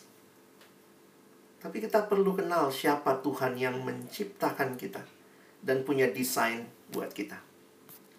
Oke, saya tutup dengan satu ilustrasi. Ini sebenarnya bukan ilustrasi cerita ya. Suatu waktu pagi-pagi itu datang ke kantor ke pelayanan. Nah, di pelayanan kami ada seorang adik waktu itu dia uh, dari luar kota jadi dia tinggalnya ke kos di Jakarta ya. Jadi saya ingat tuh pagi-pagi saya datang Terus kemudian uh, saya masuk ruangan, tiba-tiba dia dengan excited gitu ya. Nah, dia karena sepi mungkin ya, namanya perempuan, anak kosan, sepi. Jadi dia di kosannya itu pelihara ikan mas, teman-teman, ikan mas. Jadi dia sering banget ceritain ikan masnya. Nah, pagi-pagi tuh dia datang terus dia bilang ini, "Kak Alex, Kak Alex." Kenapa? Tadi malam, Kak, ikan mas saya bunuh diri. ikan mas bunuh diri. Ternyata dia cerita pagi-paginya dia menemukan dua ekor ikan masnya itu uh, sudah lompat keluar dari air dan mati di atas karpet. Jadi itu yang dia bilang ikan masnya bunuh diri. Dia bilang, kalis, kalis, ikan mas saya bunuh diri. Dan kami ngebahas-bahas gitu ya, kita lucu-lucuan. Uh, kita bilang, kenapa ya lompatnya berdua ya? Apa ini ikan mas yang tidak disetujui cintanya oleh orang tua? begitu ya. Nah, akhirnya dalam singkat cerita, dalam kesimpulan diskusi kami soal ikan mas bunuh diri, ikan mas itu bebasnya di mana teman-teman? Kadang-kadang kalau lihat gitu ya, ikan mas itu bebasnya di mana? Di dalam akuariumnya kecil, akuarium kan terbatas kecil ya, atau di luar akuarium? Ya tentu ya logika kita akan menjawab di dalam akuarium dong. Walaupun airnya terbatas, dia akan bebasnya di dalam air, bukan di luar air. Kepuasan sejati ikan mas itu bukan di luar air. Walaupun lebih luas mungkin dia bilang oh saya ikan reformasi. Saya tidak butuh air. Baru dia lompat keluar dari dalam dari dalam uh, akuarium. Begitu dia lompat keluar dia MPP teman-teman. Mati pelan-pelan. Karena ikan itu paling butuh air teman-teman dan saya kita paling butuh Tuhan kita nggak bisa hidup di luar Tuhan. Kadang-kadang firman Tuhan kayaknya membatasi. Saya pernah tanya sama anak remaja, enak nggak jadi anak Tuhan? Diem semua, bingung. Saya bilang gini deh, Kak Alex kasih contoh. Enak nggak jadi anak Tuhan? Banyak kan bolehnya atau nggak bolehnya? Langsung jawab, ya nggak bolehnya lah kak. Nggak boleh nyontek, nggak boleh bohongin orang tua, nggak boleh pukul temen, nggak boleh pukul guru, nggak boleh, nggak boleh, nggak boleh. Kayaknya nggak enak dong jadi orang Kristen, banyak kan nggak bolehnya. Pada diem. Terus saya bilang, justru itulah kebebasan Bayangkan kalau punya Tuhan yang semua boleh. Bayangkan kamu punya Tuhan. Tuhan mau pukul dosen, boleh. Tuhan mau bunuh orang tua, boleh. Tuhan mau ini. Kalau semua boleh, kamu akan jadi anak yang terikat kepada dosa. Tuhan merancangkan ada banyak hal yang dia batasi kita untuk kita tidak lakukan. Karena itu bukan hanya melawan kehendaknya, tapi itu mengikat kita. Dan waktu kita hidup dalam kehendaknya, kesannya terbatas, tapi itu kepuasan dan kebebasan yang sejati. Ikan paling butuh air untuk hidup.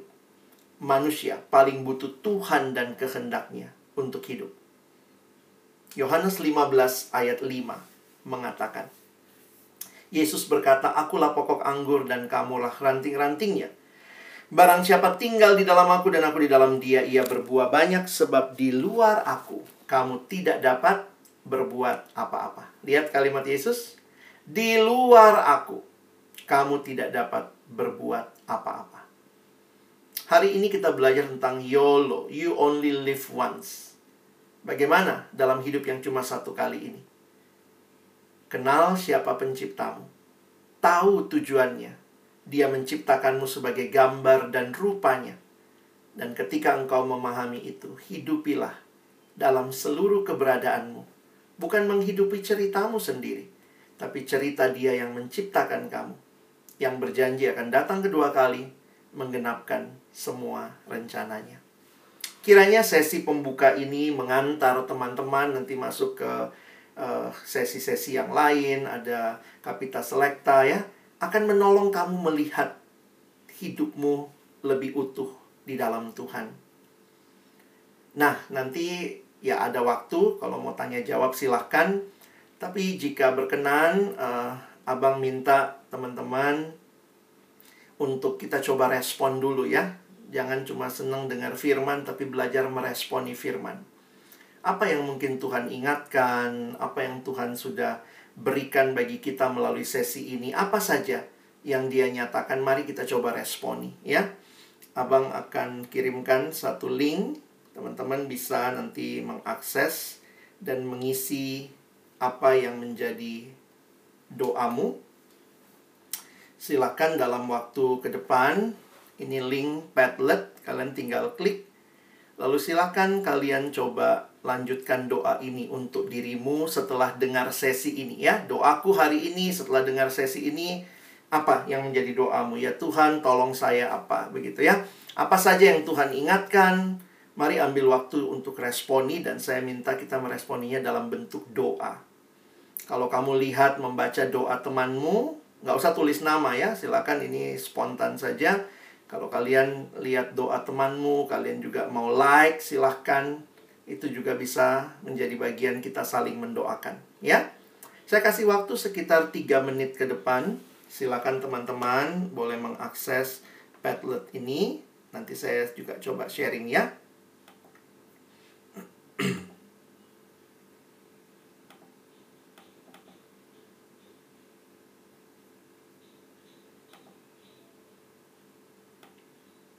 Oke. Terlihat ya, silakan teman-teman ambil waktu untuk menuliskan apa yang menjadi doamu setelah mendengar sesi ini. Jadi untuk bertahan di dalam dunia dengan semua tantangannya untuk bisa tetap ikut naskah Tuhan, pertama Tuhan kasih rohnya yang kudus memimpin kita. Yang kedua, Tuhan kasih firman Tuhan ya. Firman Tuhan untuk kita baca dan renungkan. Dan yang ketiga, Tuhan kasih komunitas. Karena kita tidak sanggup dengan kekuatan sendiri atau berjalan sendiri. Kan itu Tuhan kasih komunitas orang percaya. Kalau teman-teman diajak terlibat dalam KTB, punya komunitas, hadir dalam persekutuan, saya pikir itu cara Tuhan menolong kamu bisa tetap. John Stott mengatakan dalam uh, eksposisi khotbah di bukit, waktu dia membahas itu dia mengatakan kita harus punya komunitas Christian counter culture. Jadi misalnya begini ya, dulu saya ngalamin tuh semua teman saya senangnya nyontek gitu ya waktu saya semester 1 tuh ya namanya baru masuk dan saya mahasiswa baru dari luar kota. Saya kuliah di UI, saya dari Makassar. Saya orang daerah, takut nggak punya teman di Jakarta. Jadi waktu teman-teman minta contekan, wah saya juga uh, yang penting saya nggak nyontek, yang penting saya nggak nyontek. Tapi kalau mereka butuh ya saya kasih gitu ya, maunya solider sama teman. Tapi saya tahu Tuhan nggak mau seperti itu. Dari mana? Dari teman-teman persekutuan, dari teman-teman KTB. Jadi akhirnya saya punya kelompok counter culture yang bisa berkata itu nggak benar gitu. Jadi bayangkan kalau semua temanmu bilang nyontek itu benar, kamu bilang nggak benar, kamu yang aneh. Tapi bayangkan kalau kita punya teman-teman yang juga mensupport, enggak, itu nggak boleh seperti itu. Maka kami saling mendoakan, kita berjuang sama-sama untuk tidak nyontek misalnya. Jadi kita butuh komunitas tandingan yang tidak ngikuti nilai dunia. Nah itu Christian counter culture. Kita nggak bisa sendiri. Tuhan kasih roh kudusnya. Tuhan kasih uh, kekuatan melalui firman yang kita baca dan renungkan. Maka kita pegang firman Tuhan. Dan yang ketiga Tuhan kasih komunitas. Jadi tidak ada yang namanya bertahan tanpa perjuangan. Tapi ingat, perjuangan yang Tuhan minta kalian dan saya lakukan itu bukannya tanpa dia memberikan semua perlengkapan yang kita butuhkan. Tuhan sudah kasih itu. Oke, terima kasih untuk jawabannya, Alex. Ini tadi juga ada yang hand ya, ada Markus Wahid. Mungkin mau open mic, silahkan, persilahkan Markus untuk bertanya kepada Kak Alex. Ya, uh, terima kasih Kak sudah memilih saya. Nah, saya ada satu pertanyaan untuk hmm. Kak Alex tadi. Saya uh, melihat di presentasi Anda uh, kita segambar dan serupa dengan Allah. Hmm. Itu pertanyaan saya uh, sebenarnya bagaimana sih uh, segambar dan serupa dengan Allah itu? Dan ada uh, saya pernah dengar kalimat seperti ini. Uh, orang tua adalah Allah yang kita lihat gitu. Allah yang kita lihat yang bisa dan bisa kita rasakan kira-kira uh, mungkin bagaimana Kak Alex bisa mengkorelasikan kalimat tersebut? Terima kasih. Terima kasih Markus. Uh, kalimat itu sebenarnya tidak ada dasar Alkitab yang kuat ya. Itu cuma kalimat dalam penghayatan manusia melihat bahwa orang tua dipilih atau menjadi wakil Allah menghadirkan kita ke dalam dunia. Tapi tetap kita harus sadari orang tua juga sudah jatuh dalam dosa. Jadi semua manusia sudah berdosa. Jadi dalam kelemahan ada orang tua atau keluarga banyak yang tidak sempurna. Nah, termasuk uh, orang tua kita. Jadi, makanya ada satu ayat di dalam Efesus, misalnya pasal yang ke-6 mengatakan begini ya, hormatilah ayahmu dan ibumu. Tapi kemudian juga ada kalimat taatilah orang tuamu, tapi ada kalimat belakangnya di dalam Tuhan. Waktu saya mencoba menggali bagian itu, kira-kira perspektifnya begini. Kita diminta menghormati orang tua kita itu waktu diminta menghormati orang tua, di belakangnya tanpa embel-embel ya. Tetapi ketika bicara diminta untuk taatilah orang tuamu, kenapa ada embel-embelnya? Taatilah orang tuamu di dalam Tuhan. Nah, ini menunjukkan ada dua tingkatan ketaatan kita. Kepada Allah, kepada orang tua. Nah, kalau orang tua tidak taat sama Allah, kita mesti pilih siapa? Pilih Allah. Karena ketaatan yang tertinggi, taatilah orang tuamu di dalam Tuhan. Makanya saya pernah tanya begini ya, ini pertanyaan agak tricky ya. Boleh nggak nggak taat sama orang tua? Jawabannya secara alkitabiah, boleh aja kalau orang tua tidak taat sama Allah. Karena ketaatan tertinggi kita bukan kepada orang tua, tetapi kepada kepa, tetapi kepada Allah. Contohnya misalnya ini tiba-tiba ini ekstrim lah ya. Kamu pulang kampung lalu papa mamamu bilang, "Ayo nak, kita bunuh anak tetangga yuk." Taat ya. Kita nggak diminta taat mutlak sama orang tua. Taat mutlak itu cuma sama Tuhan. Sama orang tua selalu harus mempertimbangkan ini sesuai kehendak Tuhan atau tidak. Kadang-kadang juga dalam kelemahan orang tua kita bisa gitu ya. Dulu saya ingat waktu masih kecil suka gitu ya. Nanti kalau ada telepon bilang bapak nggak ada. Padahal kan zaman dulu tuh telepon rumah ya. Nanti bilang papa nggak ada. Aduh gimana tuh kan bohong ya. Bagaimana ketaatan kita tetap kepada Allah. Nah, dalam proses melihat itu kalimat kedua perlu ingat. Hormatilah orang tuamu. Nah, waktu kata hormatilah nggak ada embel-embelnya memang di bagian lain ada yang kelihatannya ada embel-embelnya tapi di dalam Efesus hormatilah orang tuamu. Jadi bagi saya akhirnya sadar begini. Meskipun orang tua saya baik, tidak baik, bisa diteladani, nggak bisa diteladani, orang tua teladan atau tidak, dalam hal-hal hormat kita harus hormat. Tapi dalam hal ketaatan kita punya pilihan. Nah, kadang-kadang masalah kita adalah karena kita nggak taat, karena bisa jadi orang tua kita salah ya. Kita nanti nggak mau taat sama mereka. Tapi akhirnya kita jadi nggak hormat sama mereka. Saya pikir nggak begitu. Jadi kita perlu melihat selalu hormat itu terlepas dari kondisi orang tuamu. Bapakmu baik atau tidak, bapakmu menafkahi kamu atau tidak. Dalam hal itu taat hormati orang tuamu. Tapi dalam ketaatan selalu ada pilihan.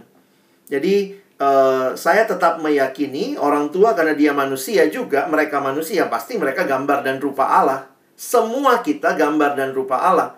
Tetapi orang tua dipakai Allah melahirkan kita, menghadirkan kita, tapi ketaatan tertinggi tetap kepada Allah. Mungkin begitu perspektifnya. Oke, terima kasih Bang Alex. Sama-sama. Uh, kita lanjut ke pertanyaan selanjutnya ya teman-teman dari Kak Adit tadi. Oh iya. Alex mau tanya, pertanyaannya hampir mirip, hampir sama dengan Cynthia. Jadi apa yang harus dikerjakan pertama-tama untuk hidup dalam kehendak Tuhan? Mungkin kita sering mendengar kudus menolong dan lain-lain, mm -hmm. tapi bagaimana caranya? Kok susah mengerti pertolongan Tuhan ya? Mm -hmm. Ya, langkah yang pertama dan terutama sebenarnya adalah buka hatimu terima Yesus. Alami dulu relasi yang indah dengan Tuhan. Benar Tuhan ciptakan kita sebagai gambar dan rupanya, tapi jangan lupa kejadian tiga menuliskan manusia jatuh dalam dosa. Tetapi di dalam dosa Tuhan tidak lepas tangan. Tuhan tidak cuci tangan. Tuhan tidak angkat tangan terhadap kita manusia berdosa. Di dalam sejarah Tuhan turun tangan di dalam karya Kristus di kayu salib. Supaya apa? Supaya kita kembali berelasi dengan Allah. Karena itu, Yohanes 3:16 karena begitu besar kasih Allah akan dunia ini, ia telah mengaruniakan anak yang tunggal supaya setiap kita yang percaya tidak binasa, melainkan beroleh hidup yang kekal. Buka hatimu, percaya Yesus sebagai satu-satunya Tuhan dan Juru Selamat. Lalu sesudah kamu melakukan itu, itu langkah penting dalam hidup beriman, maka kamu akan menjalani perjuangan hidup sebagai anak Tuhan. Nah, di situ tadi ya, Tuhan kasih kita Roh Kudusnya memimpin kita. Tuhan kasih kita firman. Firmanmu itu pelita bagi kakiku, terang bagi jalanku itu sudah mengasumsikan kita lagi berjalan di dunia yang gelap.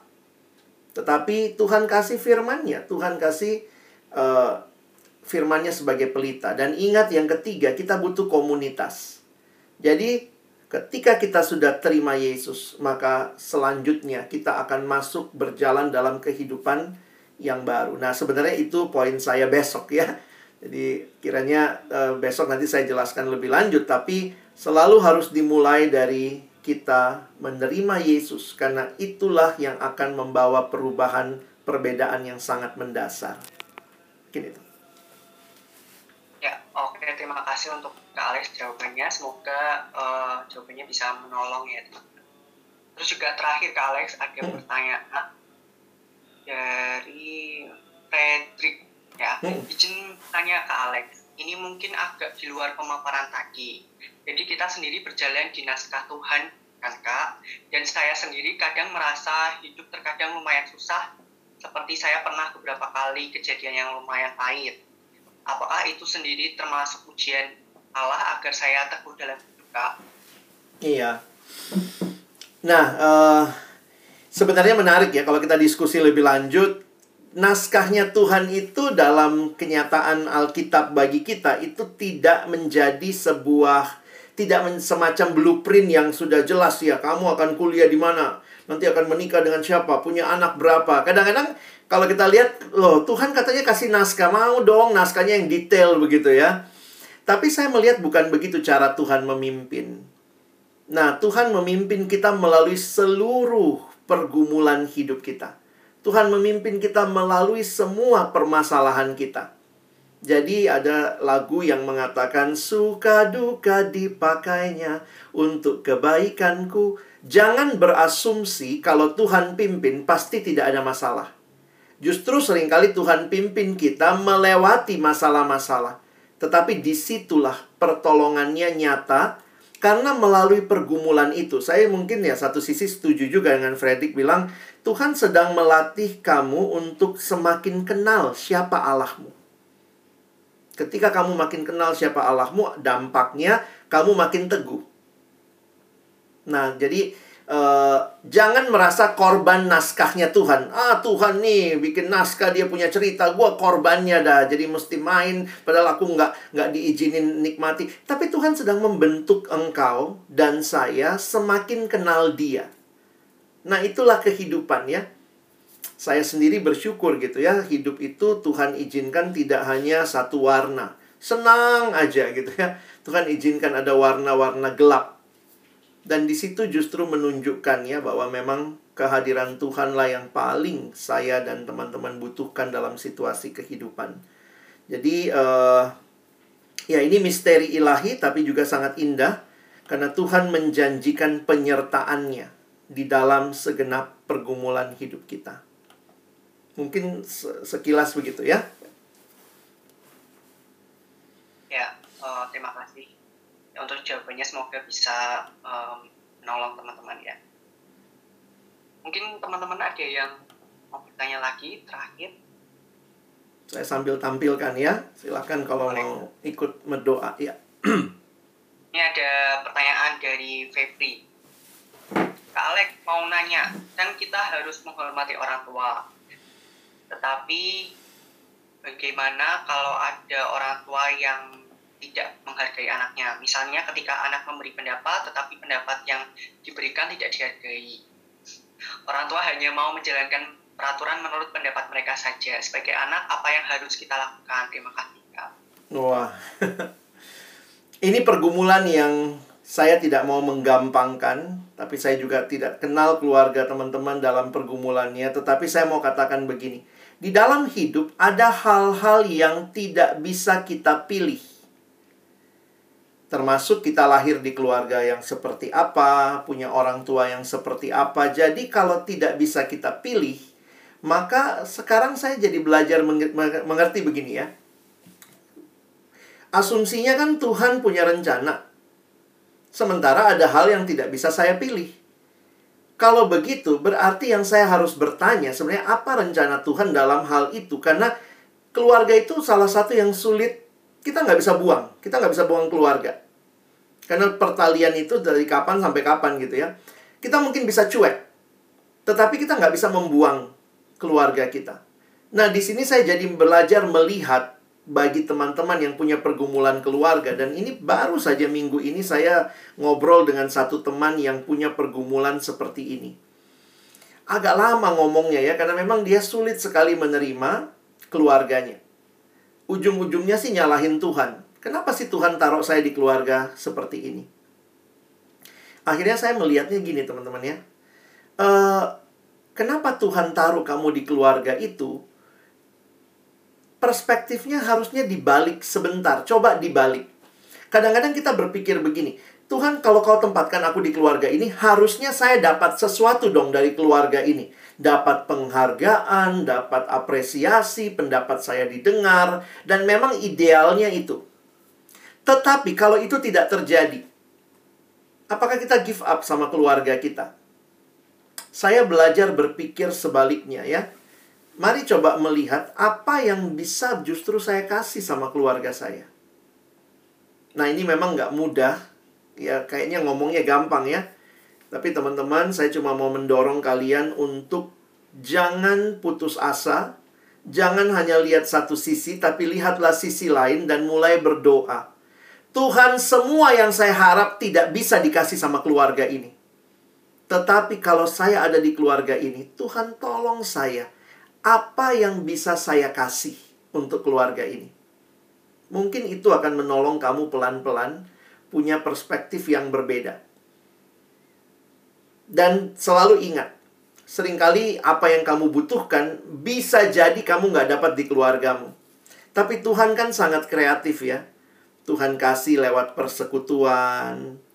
Tuhan kasih lewat macam-macam lah. Saya ngalamin seperti itu ya ada waktu keluarga kita nggak sempurna, nggak ngerti kita, Tuhan kasih orang lain yang ngerti kita. Tuhan kasih. Jadi kadang-kadang jangan hanya menuntut semuanya dari keluarga. Sekarang belajar melihatnya sebaliknya. Apa yang saya bisa kontribusikan bagi keluarga saya? Saya cerita singkat seorang teman papanya itu sakit jiwa. Suka pukul mamanya. Jadi memang agak beda antara bapaknya suka kekerasan sama memang sakit jiwa gitu ya. Nah, tapi sebagai anak dia nggak bisa buang. Dari kecil dipukul udah sering. Lihat mamanya dilempar, anak-anak dipukul. Karena papanya tuh ya sakit jiwa gitu ya. Kesimpulan dia akhirnya ya saya nggak bisa buang papa saya. Dia nggak dapat perhatian, nggak dapat dukungan, dapatnya cuma cacian, makian gitu ya. Sehingga akhirnya dia belajar mulai melihat apa yang dia bisa berikan kepada orang tuanya. Nah itu sangat menyakitkan ya karena pergumulannya pahit sekali, tapi akhirnya dia bilang gini, saya justru besar di persekutuan, menikmati begitu banyak kasih dari orang-orang, justru untuk saya belajar mengasihi keluarga saya. Dan satu kalimat pamungkas yang akhirnya saya dengar dari dia, aduh kalimat ini sangat menggetarkan hati ya. Dia bilang, setelah saya mengerti semua ini kak, saya berkata dalam doa, Tuhan, kalau saya diizinkan lahir satu kali lagi, saya akan tetap memilih minta lahir di keluarga ini. Wah, itu mengubah perspektif dia.